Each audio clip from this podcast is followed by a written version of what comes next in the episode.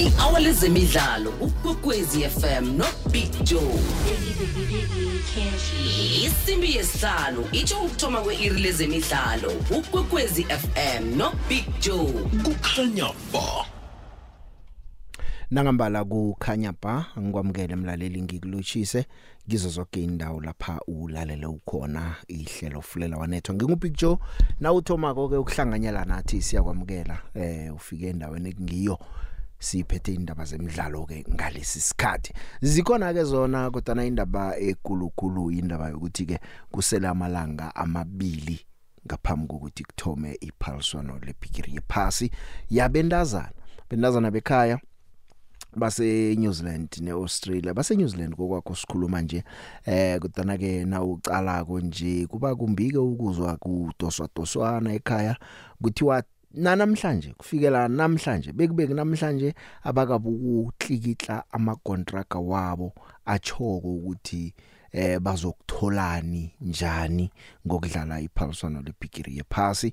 Eh phambilini sezwa inkulumo ezithawa eh ne support staff ngikhuluma ngababanduli nabaphekako nabamasajako nabenzani bonke bazokuthola uluthwanyana okusabonus safa ngempela veke ite eh abayokuthola ibonus labo. Ma daily allowance eh ngendlela kubhalwe ngakhona ema contract nabo. Ukuthi basebenze njani basephaliswaneni lebigree pass i bathi bonus uyithola na usebenzileko so abazoyithola ngokuthi bayile. Mhlawumnye ngokuthi ke eh banande badlulele emizombeni eminye elandelako njalo njalo. Eh abendazi nabo nasebakhambile kuyakateleleka vele ukuthi abadlali njengoba sebalapha. Kodwa nakubhlungu ke lokho kubhlungu ke lokho ungaphundwa ke sizokhuluma nesekela lika mongameli wehlangano ejamele abadlali SAFPU uDebugo kwamnyayi eh ke sizwe ngayo ukuthi wamva nje umbango kanti ngwani sibabantu sesithabile esithi yonke into ilungisiwe kurarululiwe abendazana abayo kufika le eh badlale kuphela indaba zemali bazijiya ngemva ziphelile.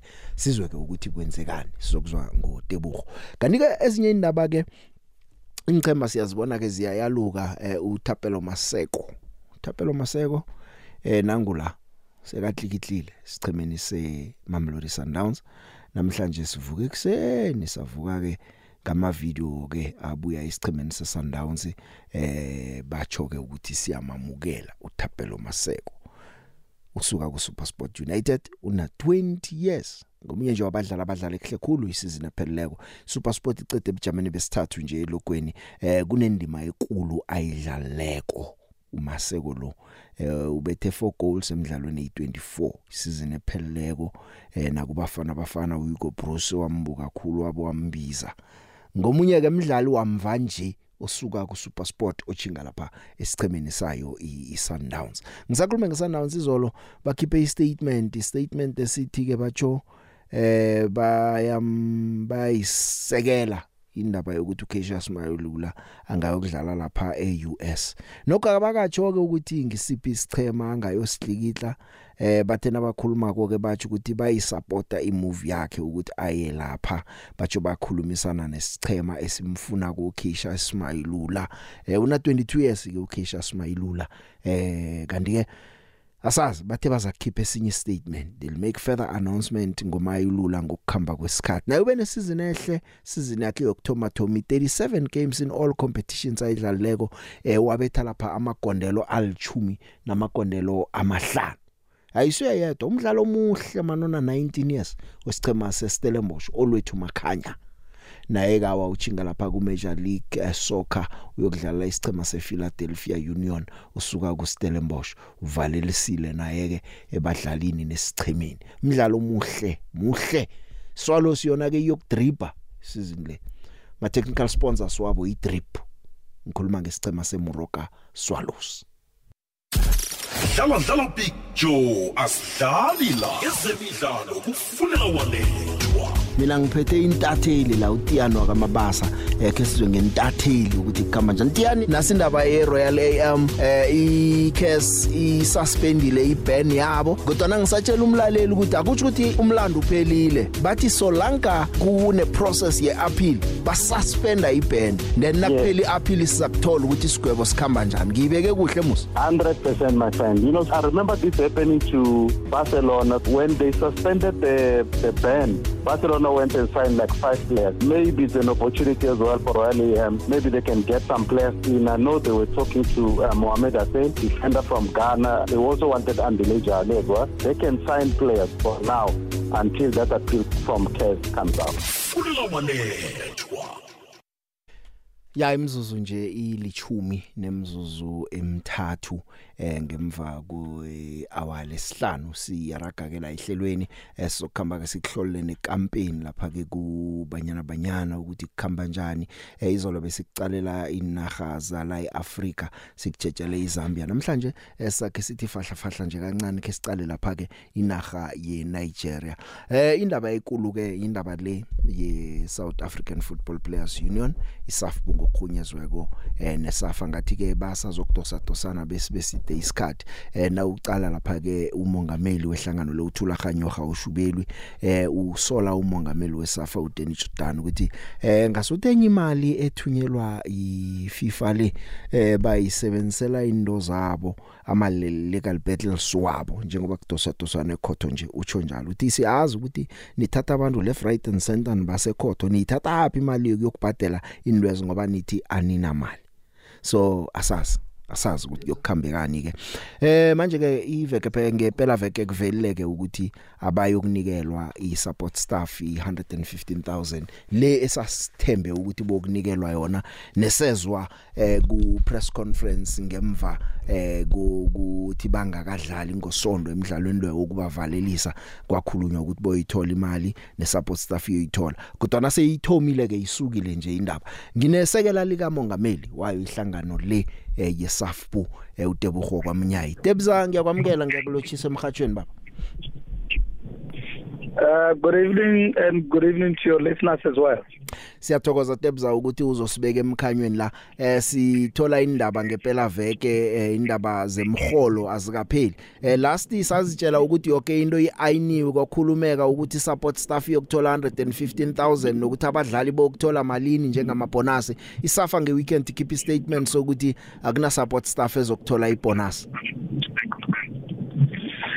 Yeah, indeed, it is true that uh, um, there was an agreement in principle in place, and we negotiated in good faith from SAFPO or the union side.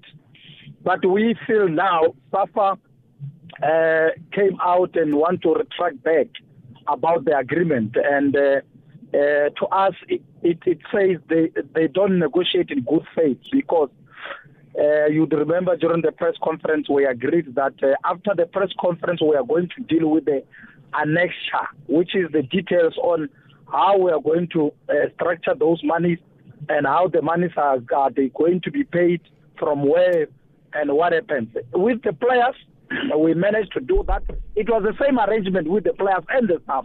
But mm. with the players, we managed to agree on that and do exactly what we agreed upon. But to our surprise, we see SAFA turning their back against this. Uh, because in the meeting that we had with SAFA in the negotiation, together with the CEO of SAFA, uh, Lydia Munyapawe, as well as uh, uh, the CFO, and the president on, on a later stage as well, and gave a thumb up to say we must finalize with the CEO and the CFO. But uh, in front of the players, the announcement was made that whatever the players will get, the staff will get 50%. Hmm. Which that's why you see where the 115 came from because the players are getting 230,000. Half of 230,000 is 115,000. Manje ke nakuke nje bathi imali leyo ayisenziwa. Ngifuna ukubuza imali ebuya ku FIFA eyithumela kuma federations lawa ukulungiselela iWorld Cup for ama team aqualifyileko lo specifically ngeyani imali leyo? Kanti kuhle kuhle. Ngoba nje kuyabangwa imholo isafa ngathi ngela kula ihlangothi ama bonus awekho abentazana bokuthola imali abayithenjiswe yiFIFA bokuthola le elethwe yiMutsipe Foundation nelethwe yithuba. Kwenzekani ngemali kwathiwa iyokulungiselela ibigiri yephasi leyenzani Um, if you would remember, um, when Banyana Banyana qualified for the World Cup, just for the qualification, there was a payout of 28 million rand to uh, to SAFA from FIFA. Mm-hmm. Then over and above that, there was a, a money allocated for preparation, which was about 960,000 US dollars. It's about 70 plus million.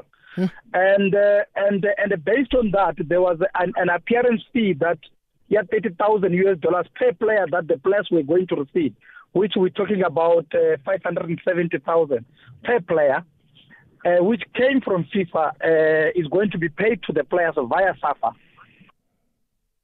If you were to tell me, or listeners were to tell me, they've ever seen Banyana Banyana going to Europe to prepare for the World Cup, uh, we've never seen that. Uh, mm. When we look at our counterparts, Zambia, They've mm. been to Europe playing against European teams in qualification or in in the in the preparation of this World Cup. Uh, we only played uh, Botswana at Sakani Stadium uh, as as a match that was supposed to be a preparatory match as well. And now the second match prior to the World Cup against Costa Rica. Now you can't tell me those two matches have cost SAFA close to 10 million rand or 15 million rand. Now we're asking ourselves, where did the preparation, the preparatory money go? And if you check, from FIFA, we, we communicated with FIFA ourselves as a union.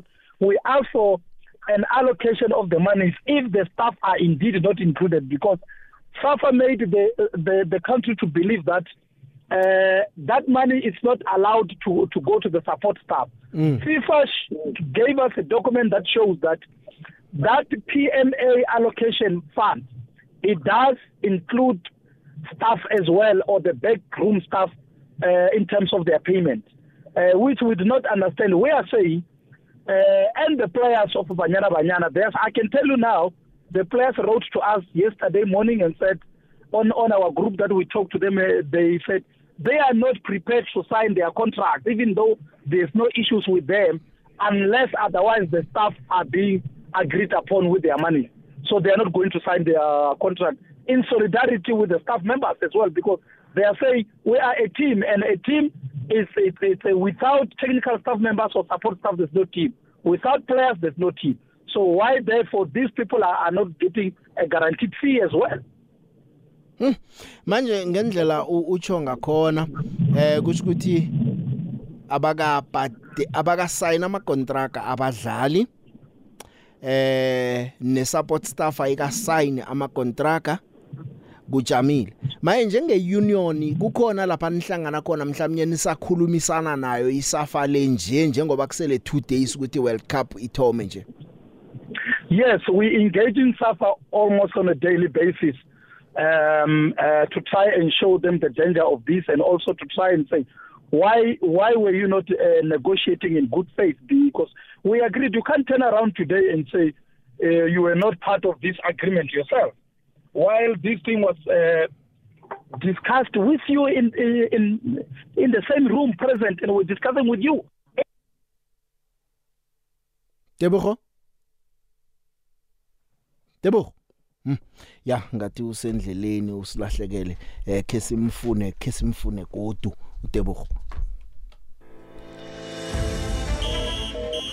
Imidlalo ongayilindela emhathweni ikwekwezi FM ngomhla ka28 kuJuly bekube ngomhla ka6 kuAugust yiNetball World Cup eICC Arena eCape Town. Lindela imisikinyeko yonke le. Ngisiza sibale. 5 4 3 2 1 ngomhla ka28 July bekube ngomhla ka6 kuAugust 2023 yiNetball World Cup eCape Town. Uzoyizwa poro bunqopha. #we love it here for the love of the game. Of the game. Big Joe asidlali la ezemidlalo kufunela walethu sesinayo ke Mroka Swalosi eh angazi sabakhumbula bo Calvin Peterson na abo Noel Cousin bo Roadblock Makatini kumroka Swalosi yakade siyazi koleya eh bebasebenzisa uSwalosi Football Club nje ngokusemthethweni bokuba yiMroka Swalosi ngikhuluma la ngeSwalosi awu the big hour the 1947 the Dube Beds the Multi Beds awu ababala abo stop nonsense abo abo the roadblock abo chaka chaka mpondo Soweto abomakhathini abo-ox mahlangu abo-ac mnili the late skarango versus phithiphithi dumsane ngoba clark itafia. Hayi inyoni zami bigjuwa ngalezo y'nkathi zazindiza siyabonga ukuthi bambise umroga ngathi singatholi isponsa nje. Angijabule kakhulu big joe Irisalo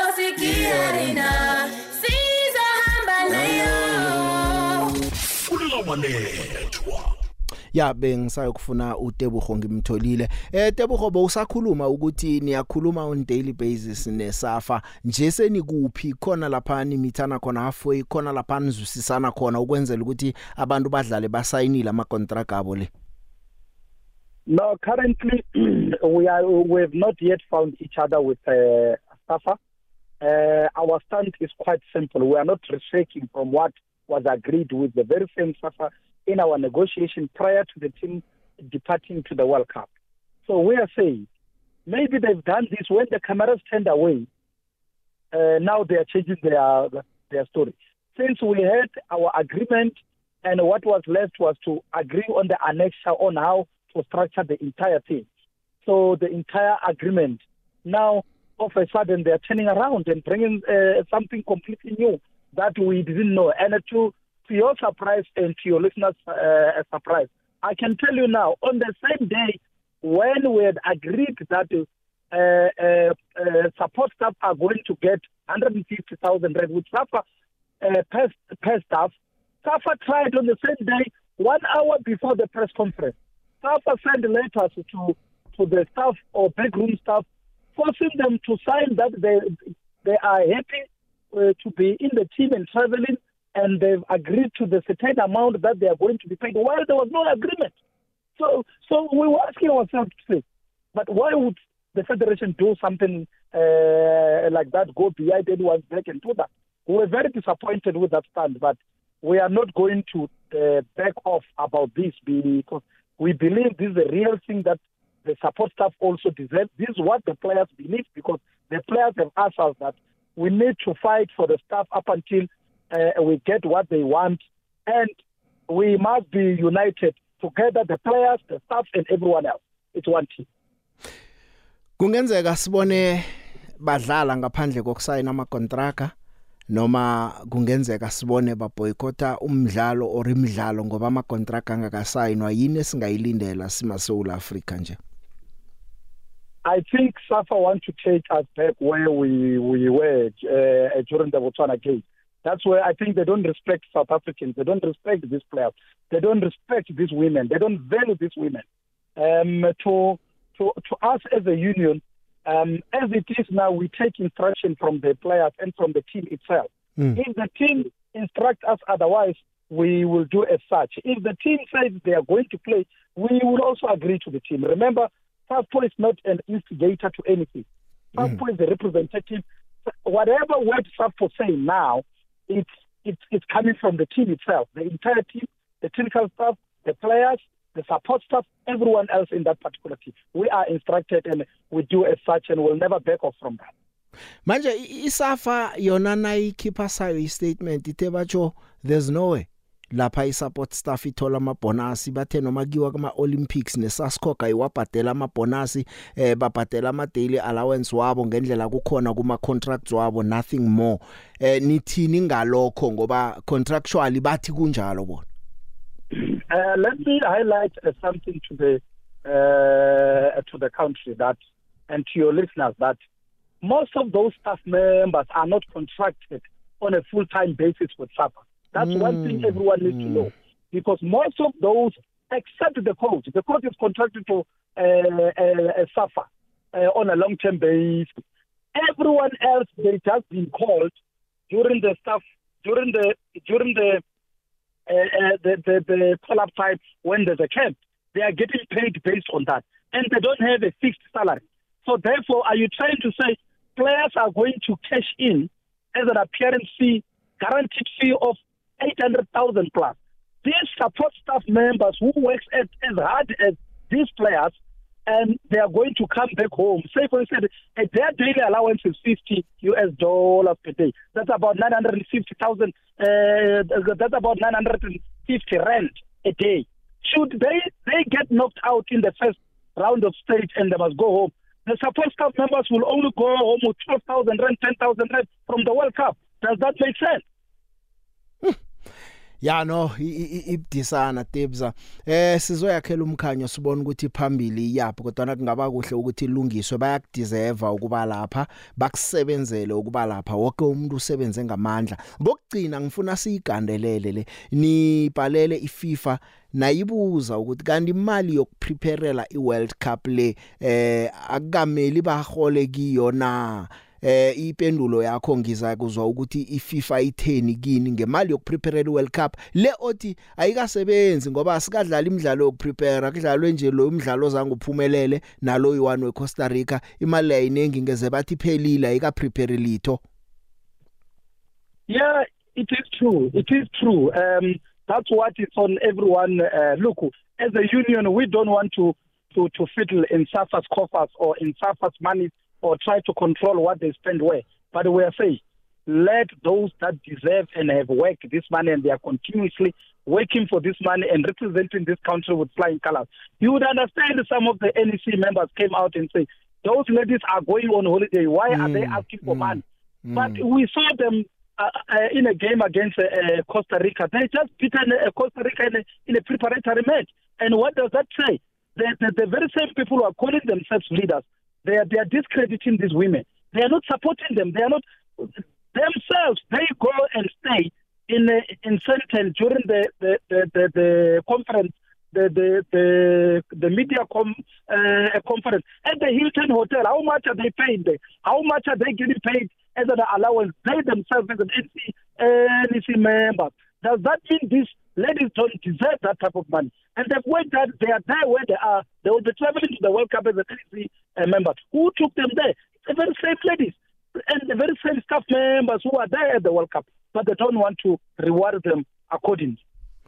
Debogo ngithokozile ukukhuluma nathi siza kucala sibone ukuthi ekugcineni isombululo siba yini nasitholakalako Yeah, we are hoping that this issue will be resolved as soon as possible so that uh, the players are, and the staff, uh, uh, backroom staff are able to focus on the uh, competition at hand and they do well in the World Cup. And we believe the players are focused.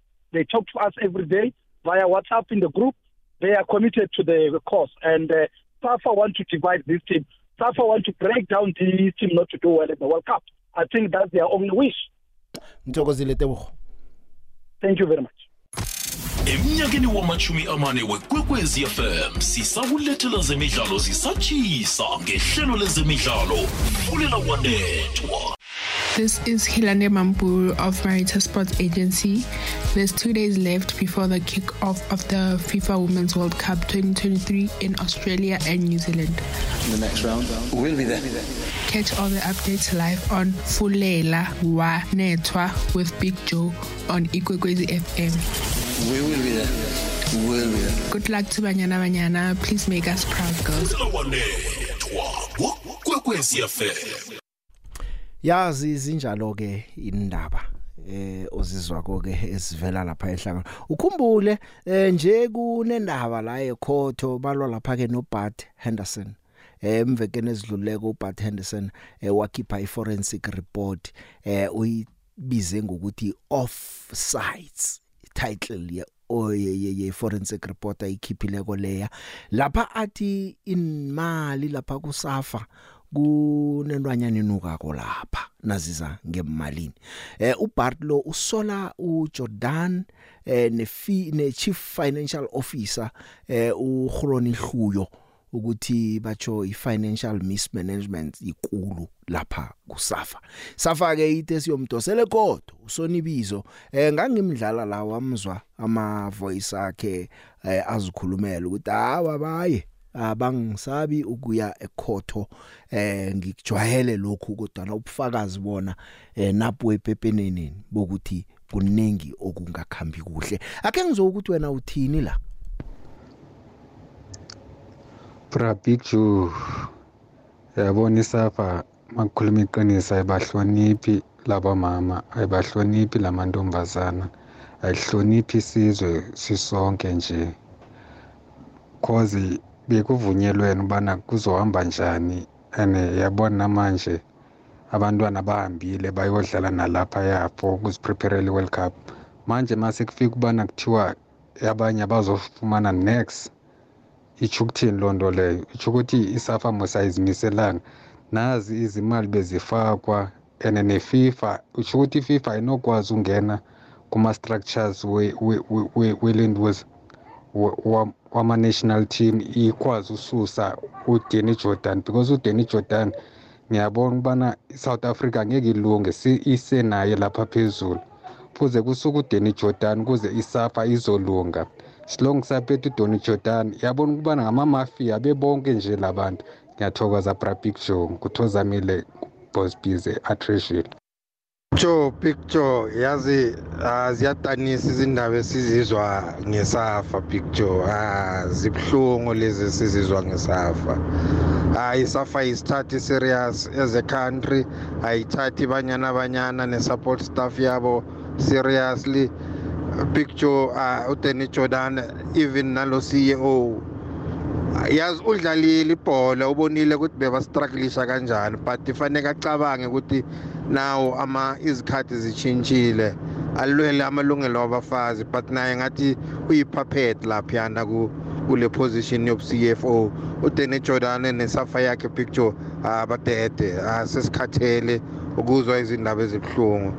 Mina picture ngifisa ukuthi ibanyana banyana mayiceda ukudlala lapha. Wonke umuntu kubanyana banyana aretire abonge ukudlalela ibanyana banyana. For as long ukusesenabo Danny Jordan nabo i-football yala South Africa ayinoya ndawo. Eh anginibingelele picture anginibingelele picture eh ngingena endabeni ni picture indaba yesafa picture eh ngisasho namanje ukuthi indaba yamantombazane ebanyana abanyana bayithatha serious picture eh uDanny Jordan picture kunento asifihlela yona noma singazi picture cause isponsors ziba khona ngalana nangalana picture then ngingene esichimini seswayilosi eh, picture ngibonga kakhulu ukuthi babisele igama le lemoroka swayilosi ledube betsi eh, picture eh iliki izoba mnandi picture ngisasho namanje picture then ngingene esichimini se-Kaizer Chiefs picture ngithi eh ngathi bangasayina picture ngathi bangasayina picture cause ama injury yiwo la anokusihlupha isichema se-Kaizer Chiefs then okuningi anginako picture ngibonga zemidlalo leweni esiphakela zona emalahleni Clarinet Station 6 Khumana Thomas Mkwela tanko Hola the big. Hola wasedladleni. Udlala nguPetros kaDumako kaMasango. The big indaba ke Safa no Jordan ngeke izilunge picture la khona picture ihlangano yombuso kunomuntu odeploye khona kudliwa imali picture kuyamoshwa ukho la kungamoshwa khona.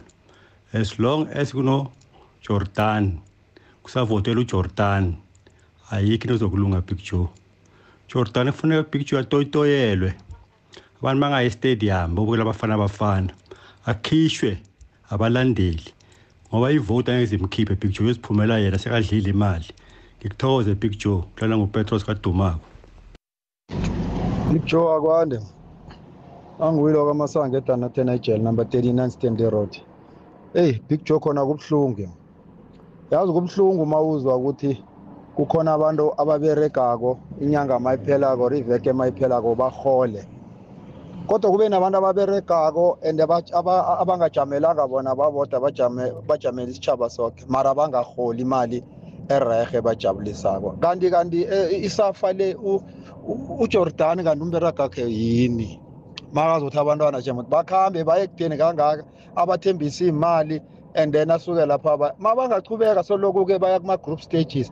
Ababahelebha kabo sho ukuthi bokuhlala ku-ten thousand le toti bebabuye hawa icinisa likho mara ujordan lo nakhe alibone naye mani no khe alibone. Khe azibone mani azithindithe mmuntu abone ukuthi abantu abamani babereka nzima. Kunje sonke sithandazela ukuthi bangathi bangandlula baye kuma-group stages. Mara bazokudlula njani inhliziyo zabo zibuhlungu? And nathi singabantu sijike futhi singababoneleli sibahwaphe sibatshele sibakhombakhombe ngemina hawa mara no cinisa likho mani hayi safa yona hawa hawa lotsha lotsha lotsha the big khuluma nolaction uking foster lo la endaweni yasemalahleni. Eyi the big.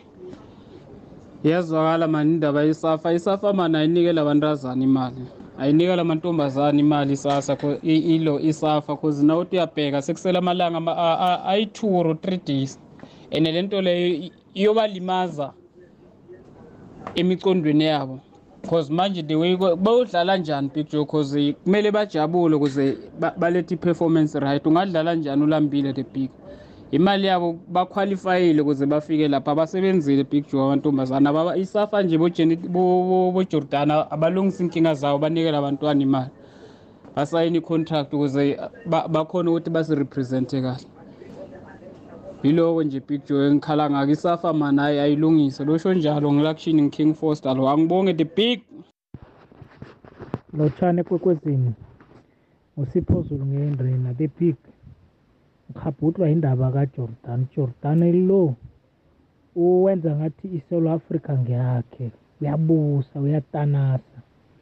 Ngapha uvaka ahamba aya kupolitiki yazi imhlula kupolitiki abuye ngapha. Ahamba ayodla imali ye-anc ne-anc bahlangane bonke benze le zinto nabaceda babuye ngapha so ujordan efuna khetho uma ngabe uya ku-anc akuhamba aye ku-anc uma ngabe ujordan ufuna ukuhlala abe straight sekuphuma kuye konke lokho. Mara mina singithi ujordan angisamfuna khambe late move lotsha big joe lona ukayi wakamalinga edahakrali.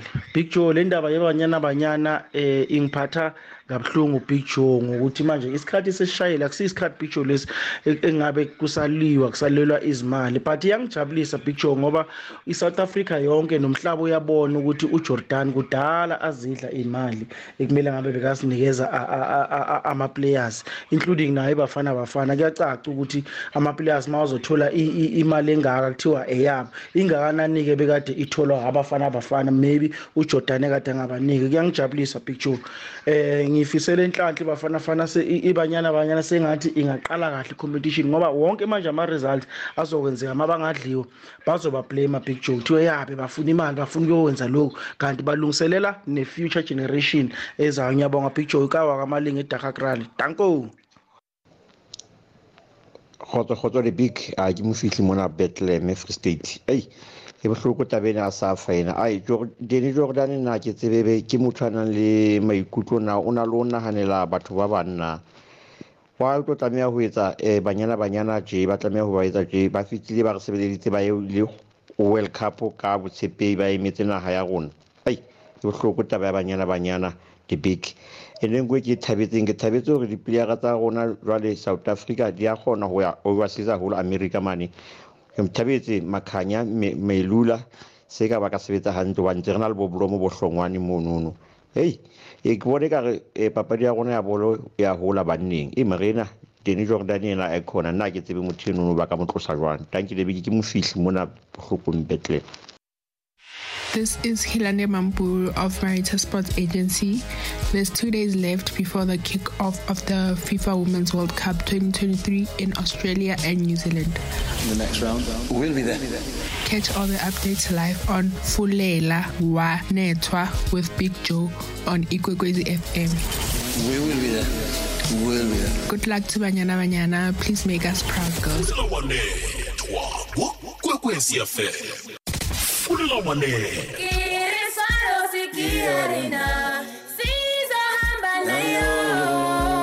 jo hai ha e kgutle morao ka swalose ntate ha e kgutle ke hopola hona mola ho bontwe ho bojuel ace monene bokhonko malbana boroblock makhathini. Ge re kgutla hape hape re tle ka mono ka o botšhakatšhaka mponto o emisi umanelo joseph rapeleho ei bo calvin mothekati peterson bo andres banyasa chicha bo hunapadiache bo dul abji. E le monate ka nako ele sa- e santsane le swalose straight ntate. Swalose inyone se bofungeng kane ee ya ntate don't follow me follow the bets ke a leboa ntate. Ke a leboa ke a leboa ke a leboa ke a leboa ke a leboa ke a leboa ntate. Ke thoko ka springs. Dlala dlala big joe asidlali la ezemidlalo kufunela wanethwa i-sabc sport ibarhatsha basemthethweni bepikiri yephasi ye-australia nenew zealand 2023 iba ngufakazi waqobe mdlalo sisonke ephaliswaneni engelikhulu. Nangambala sicale iPaulson ekungelikhulu eh liyathoma eh, ngolosine ngosonto isicema sekhaya ibanyana banyana na izabidlala kodwa ke nakho kunye ngifuna ukwazi eh sayibona ku FIFA Under 20 World Cup yabesana leya nebantazane na into le izokusebenza ukuthi inqundo ezithathwa ngevideo assistant referee eziyokuhatshwa bunqophe etatawini kuba ne PA system lapha kuzakukhulunywa khona nitshelwe nenubukeleko eh nakumabona kude kuyavela ke nizwe ukuthi kwenzekani. Ongamela bosofengwana lapha ku FIFA upheluki Colina eh uyivezile ke into le ukuthi bafuna ukuthi ama decisions we VAR abe transparent.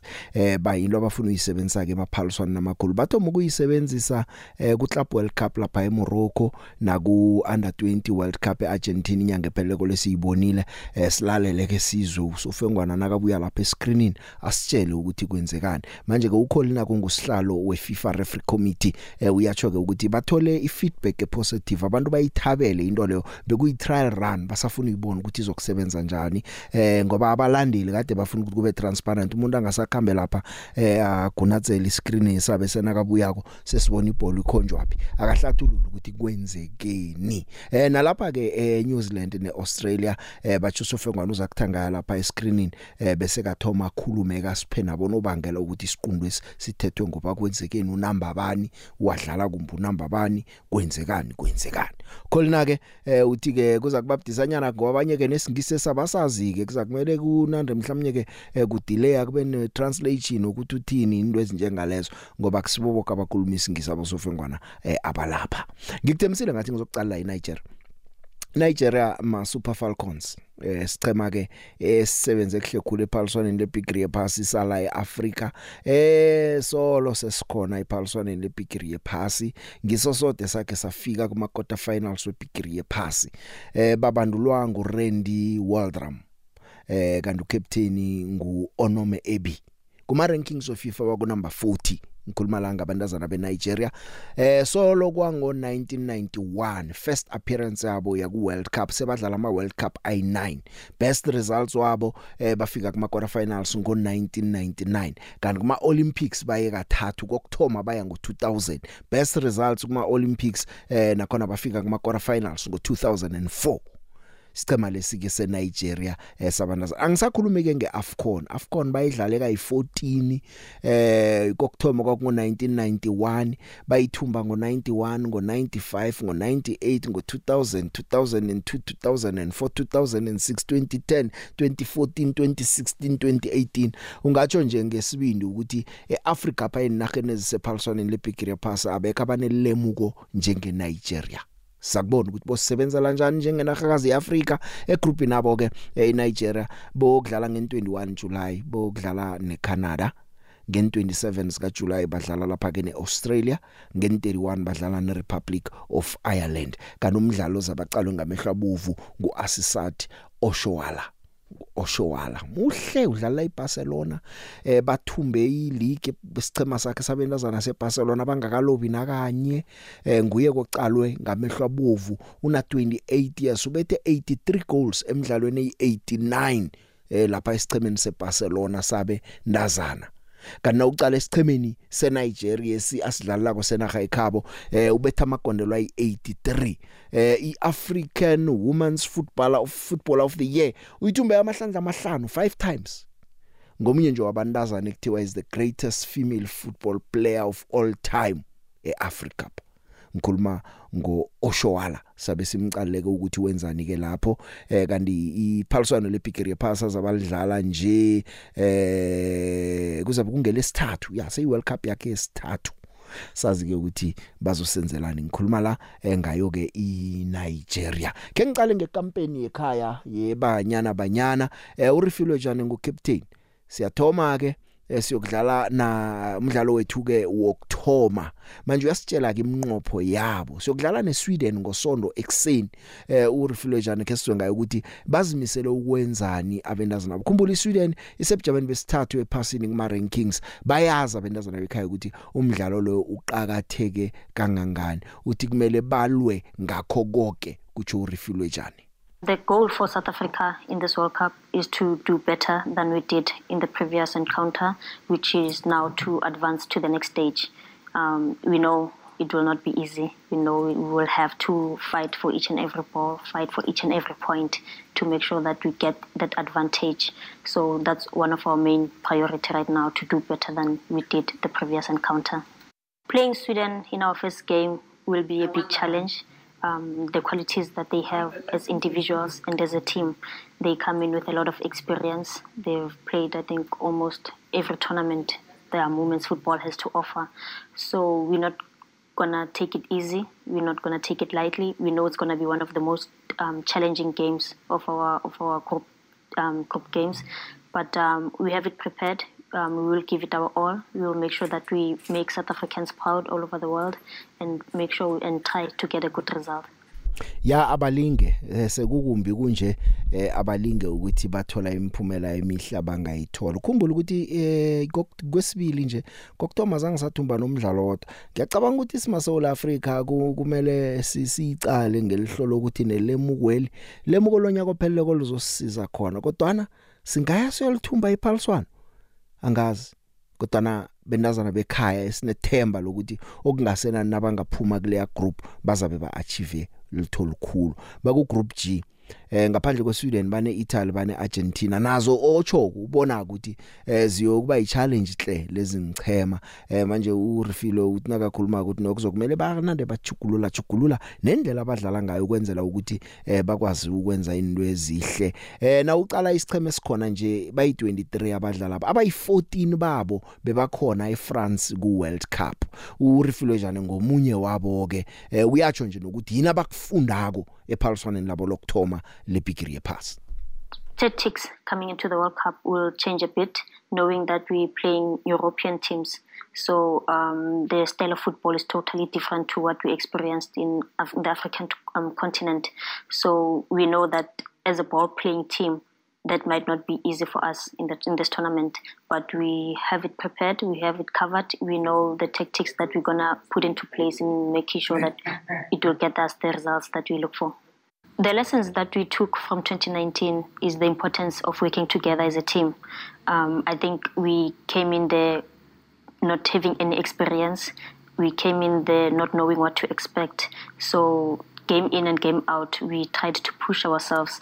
But now, with the lessons that we learned, the importance of scoring the chances that we create, the importance of taking it one game at a time, and making sure that each and every game we give it our all is some of the lessons that we took from 2019 the players, the more experienced players, um, are a bit more relaxed.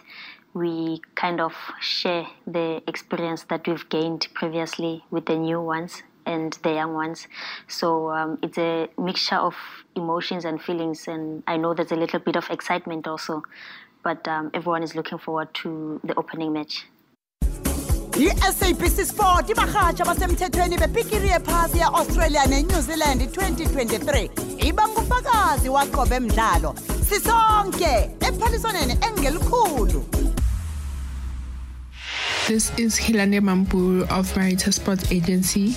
There's two days left before the kick-off of the FIFA Women's World Cup 2023 in Australia and New Zealand. In the next round, we'll be there. Catch all the updates live on Fulela Wa Netwa with Big Joe on Ikwekwezi FM. We will be there. We'll be there. Good luck to Banyana Banyana. Please make us proud, girls. wanethwa kwekwezi fm imidlalo ongayilindela kukwekwezi fm siyokurhatshela poro bunqopha ififa women's world cup ngaphetsheya kwamalwandle enew zealand ne-australia. Ibanyana banyana ikugroup g ine-argentina i-italy nesweden. Ngosomba mhla ka-23 kujulayi ibanyana banyana yokubambana nesweden ngesimbi yekhomba ekuseni. Ngolosihlanu mhla ka-28 kujulayi ibhudabhudana ne-argentina ngesimbi yesibili ngamasa ekuseni. Ngolosithathu mhla amalanga amabili kurhoboyi ibanyana banyana ibambana ne-italy. Mlaleli ngibawa ungisize sibale. 3 2 1 hashtag 0 we love it here for the love of the game, of the game. For the love of the game. sele ngemzuzu elikhomba ukuthi ihlelo silibeke phasi. Angazi wena eh, uthini kilokho okuzwe namhlanje? Ama voice notes ma voice notes maningi. Eh, ungadosa mhlawumnye babili bathathu singabadobhana emtatweni akwanda big joe ukhuluma nosolendelano uphetha kanzuza esiyabusosimo big joe abo daniel jordan lapha basigetlile ngemali safa basigetlile imali le buya ku-fifa babhizi bayisebenzisa kezabo indingo big joe siyakhumbula ukuthi udaniel jordan kuba bayilo kanje big joe kuba bayimeya kuba bayimeya big joe uthatha ipolitiki uyifaka ebholweni uthatha ipolitiki uyifaka ngaphakathi kwebholo big joe sizokustrike la-ke sizokustrike la ngokuphatha bamapolitiki ngoba ama-department aphethe bamapolitiki woke ayafadalala khona nje iyafadalala isafa iyafadalala wayengakhiphi imali imali yakusingeyakhe fanele akhiphe imali big joe. Big joy re go dumediše ke dumediše le moyeng wa gago ka moo. O bolela le iprele nnete ke gore wa swabitša ko bo ipotšiše goreng motho o tla raga jwang a lokologile? O tla o tla o tla representa country jwang ka botshepegi a ba le dikgoagaano pela ya ko gaming ke nako ya gore batho ba ba sa ralokeng bolo ba ba sa tsebeng botlhoko ba bolo ba tsweng mo mo setilong seo moo go tsene batho ba ba raileng bolo ba tsebe goreng go botlhokwa ba representa naga ke eng. Batho dipolotiki tse di tseneng ka mara ga ga football di a lapisa joe. Ga a re kgetheng batho ba le goreng ba tlo re emela ka bogare. Banyana banyana ga ba kry-e tšhelete ke ya bona from fifa. Thobela. Awande big joe. Ethukulihle kril ukhuluma nopeta big joe uh, hayi into yesafa le iyadanisa joe isiceda amandla ekubeni kusele amalanga amabili ukuthi i-world cup ithome nesizwa indaba ezifana nalezi. Mara bona ngibuphi ubuthongo ababulalawo mara? Sekuyakhombisa ukuthi asihlonishwa simasouth africa picture. Angifuni ukukhuluma kakhulu ngoba iyabonakala into le ukuthi ikhombisephi iziningi into ezenzeka e-south africa sekufakwa nezemidlalo phakathi. Hayi kuyadanisa picture sithembe ukuthi kuza kulunga picture abantazana bethu ba baberege kuhle le. Thank you picture ya big joe mani lakhe semla deep slot wonke umuntu ufuna ukudansela ujenny jordan etafuleni. Politics of the stomach. Eh abantu abangasilutho abangenzi lutho eh babhizi bathuka ama-players nama-legends. I-south african football is held hostage ngama-criminals. And inkulu into edinga ukwenziwa labantu laba uminister of, of, of arts and culture kumele ubastopha bonke yonke leya organization leyana. Isasikhokho kumele ikhona as a mother board ye-sports sase-south africa kumele ikhona into eyenzekalayo ngesafa just like something has happened nge-cricket just like something has happened nge-rugby. Because le nto yenziwa laphayana ayikho at all. Mm nge ngeminye imbono minengi eh, ke ngizwe emtatweni usemoyeni yacha Akwande? Ijo Yebo. Yebo makho sonke nyandeni kwanongo Siyathokoza kwanongo Mm eh the big eh mangiqala lapho na kwisafa ngicabanga ukuthi inkinga enkulu. Abantu abalapha kwisafa abantu bepolitiki the big.